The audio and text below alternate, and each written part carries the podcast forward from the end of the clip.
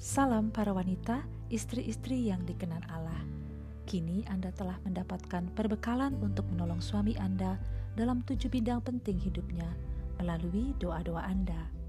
Sekali lagi, sebagai sesama saudari dalam Kristus, saya ingin mengingatkan kembali bahwa panggilan ini mulia, terhormat, tetapi juga penuh dengan tantangan yang sering datang dari pementingan diri sendiri dalam kita yang dapat menghalangi kita untuk menjalani panggilan Allah.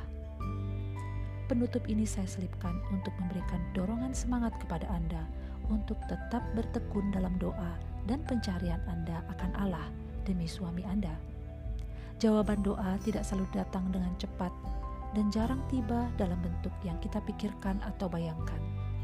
Tetaplah berdoa, karena firman-Nya berkata dalam Yesaya 55 ayat 8 sampai 9. Sebab rancanganku bukanlah rancanganmu, dan jalanmu bukanlah jalanku, demikian firman Tuhan. Seperti tingginya langit dari bumi, demikianlah tingginya jalanku dari jalanmu, dan rancanganku dari rancanganmu. Para istri, marilah kita memercayai Allah yang meneruskan dengan berjanji dalam Yesaya 55 ayat 11. Demikianlah firmanku yang keluar dari mulutku, tidak akan kembali kepadaku dengan sia-sia, tetapi ia akan melaksanakan apa yang ku kehendaki dan akan berhasil dalam apa yang ku suruhkan kepadanya.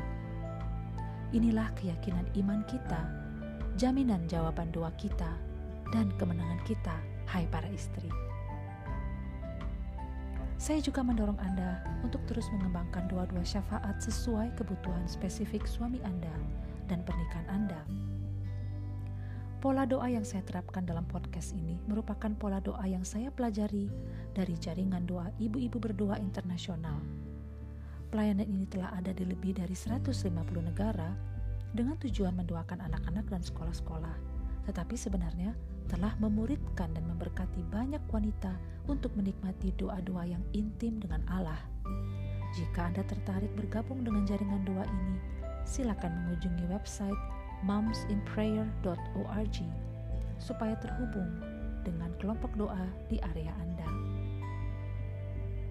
Akhirnya saya berdoa agar podcast ini menjadi berkat yang terus mengalir dalam hidup para istri yang saleh di mana pun Anda berada.